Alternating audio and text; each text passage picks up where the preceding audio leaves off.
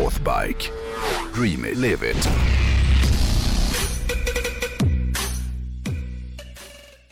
Den här sommaren har ju jag fått en hel del tid på mig att fundera kring vad det är som är så kul med att åka hoj. Eh, Och vad det är som gör att jag tycker så mycket om det här. Eh, För vid det här laget så känner jag att det står ganska klart att hojåkning alltid kommer ha en ganska betydande och viktig roll i mitt liv. Det var framförallt efter att jag tog mitt hojkort som jag kände att någonting grundläggande hade adderats till mitt liv. Och jag är inte stolt över det här, men när jag var yngre så fulkörde jag ju en del, eh, vilket jag inte kan rekommendera någon att göra. Eh, För till att börja med så är det jävligt korkat eftersom inga försäkringar och sånt där gäller ju om man kör åt helvete. Yngre, det är ju... Det är ju... Aj, aj, aj, aj, aj. Men eh, vad viktigare är så är det ju så att först efter att man faktiskt har tagit det här hojkortet, det är då man inser hur dålig man var på att köra hoj. När man inte har fått lära sig grunderna för, för vad som krävs för att hojåkningen ska bli säker ute i trafiken. För det är ju lätt att tro att bara för att man har kört lite cross när man var åtta år eh, och sen har man haft liksom bilkörkort i 30 år eh, så tror man automatiskt att man är en okej hojåkare. Men så är det ju absolut inte. Det är ungefär som att man tror att man är duktig på att spela hockey för att man spelade hockey när man var åtta år. Ja, eller spela innebandy när man var åtta år. Ja. Och sen, ja,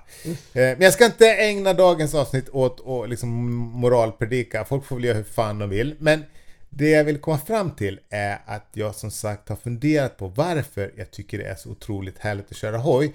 Eh, jag har nog en ganska klar bild om varför det betyder så mycket för mig. Men jag inser ju också att det här är ungefär lika intressant att höra mig mala på om eh, som det är när någon ska berätta vad de har drömt under natten. Finns det något tråkigare än att lyssna på vad någon har drömt om? Jag tror fan inte det. Nej, det är ju intressant ju. Nej, det är det absolut tråkigaste jag vet. Jag, tycker, och jag tycker att den här jämförelsen också är ganska bra. För det som folk som pratar sig varma om att köra hoj har gemensamt med folk som gärna berättar om, om sina drömmar, det är att båda missar ju att i och med att den som lyssnar inte har varit med om själva upplevelsen Nej. så vare sig kan eller vill de dela ah, din entusiasm. Därför tänkte jag idag istället försöka ta mig an frågan om varför det är så härligt att köra hoj ur ett rent vetenskapligt perspektiv. Ja, det- det svåra med att ta reda på varför folk gillar att köra hoj är ju att alla människor inte delar åsikt kring själva svaret. Eh, Alla har ju sin unika känsla kring vilka behov som hojåkningen tillfredsställer för just dem då. Men jag har kommit fram till en sak som jag åtminstone tror att alla Vare sig du kör en gammal HD-knöl eller liksom en Ninja ZX-10R delar. Eh, Och det är att en stor del av njutningen går att härleda till det som vi brukar kalla för flow.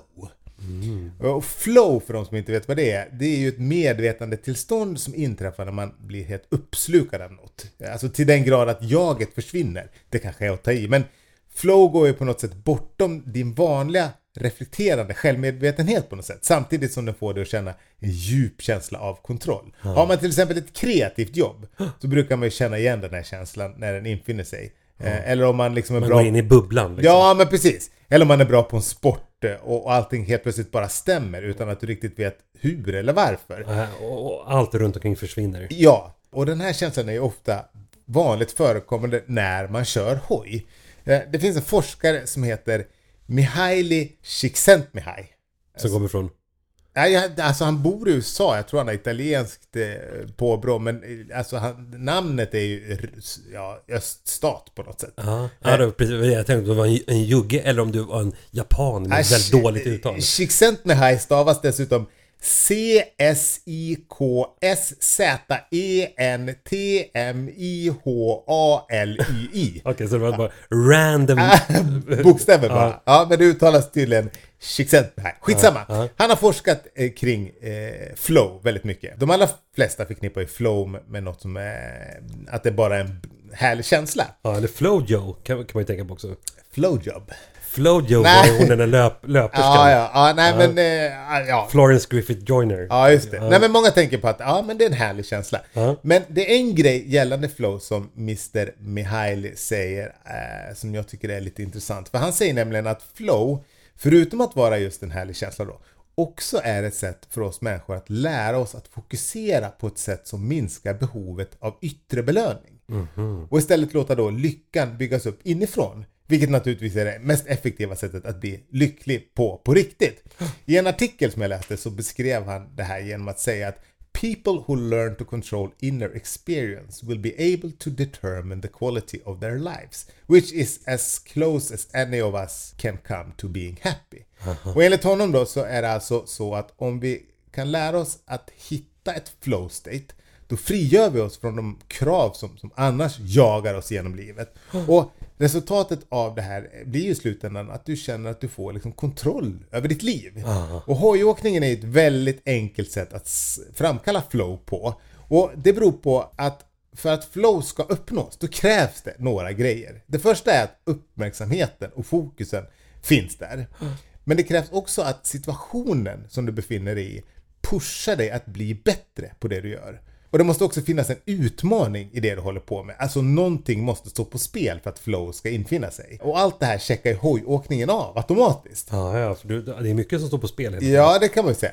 Men den absolut viktigaste förutsättningen för att du ska kunna uppnå flow är att själva handlingen inte görs med någon underliggande förhoppning om att det ska liksom leda till något bra längre fram. Utan belöningen kommer av det du gör här och nu. Och det är därför som just hojen, eller nästan alla fordon i och för sig som Northback säljer, är väldigt effektiva verktyg när det kommer till att skapa flow.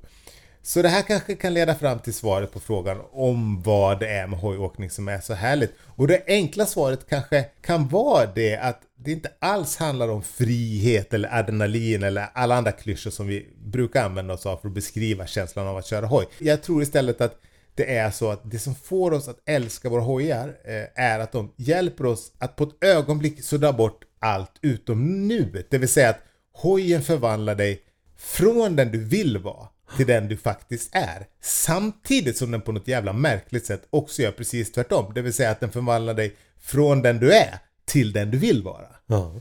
Och en annan väldigt intressant grej som jag läste när jag funderade på om det går att liksom rent vetenskapligt lista ut varför man gillar att köra hoj. Det är att jag förstod att hjärnan använder sig av tre olika områden för att identifiera och tolka sin omgivning. Först har du kroppen, eh, alltså det som du upplever som fysiska jag på något sätt. Sen har du ett område som sträcker sig utanför dig själv och som innefattar allt det du kan se och höra. Men sen så har du ytterligare ett område och det är det området som är runt omkring dig som du kan ta på. Det vill säga eh, som du kan nå utan att flytta på dig. Och, och det är just det här området som är lite speciellt utifrån ett hojperspektiv. För det finns en studie som visar att när du sätter dig på en motorcykel så upplever hjärnan att det här området på en sekund blir mycket, mycket större. För hojen blir automatiskt då en del av kroppen. Sätter du dig i en bil till exempel, då uppstår inte det här fenomenet och det beror förmodligen på att du är så medveten om att din kropp befinner dig inne i en bil. Medan då om du sätter dig på en hoj så verkar hjärnan liksom klumpa ihop hojen med ditt fysiska jag. Och då sker... Shit vad intressant. Ja, för då sker också något jävligt märkligt och det är att man plötsligt upplever att ens närmaste omgivning förändras väldigt, väldigt drastiskt. Jag tror att den här nästan lite svagt metafysiska upplevelsen är det som gör att vissa människor, som jag då till exempel, blir torsk på att åka hoj medan andra känner att den här förändringen är lite obehaglig. För det är något som gör att hastighets och rumsuppfattningen blir väldigt annorlunda mot hur du annars upplever din omgivning. Då. Det är inte alls omöjligt att jag är helt ute och cyklar, som vanligt kanske, men Eh, det bästa sättet att ta reda på om det här stämmer eller inte, det vill säga om en hoj kan hjälpa dig att uppnå flow eller förändra din fysiska verklighetsuppfattning, är ju såklart att gå in på northbike.se och slå till på en ny hoj bara. Och gillar ni hojar och hojnyheter så ska ni också komma ihåg att gå in på Northbike Play Eh, eller lägg till Northback Play, era favoriter, bokmärkesfältet i era datorer. För där postar jag och, och Northback lite allt möjligt skoj som rör de produkter som Northback säljer.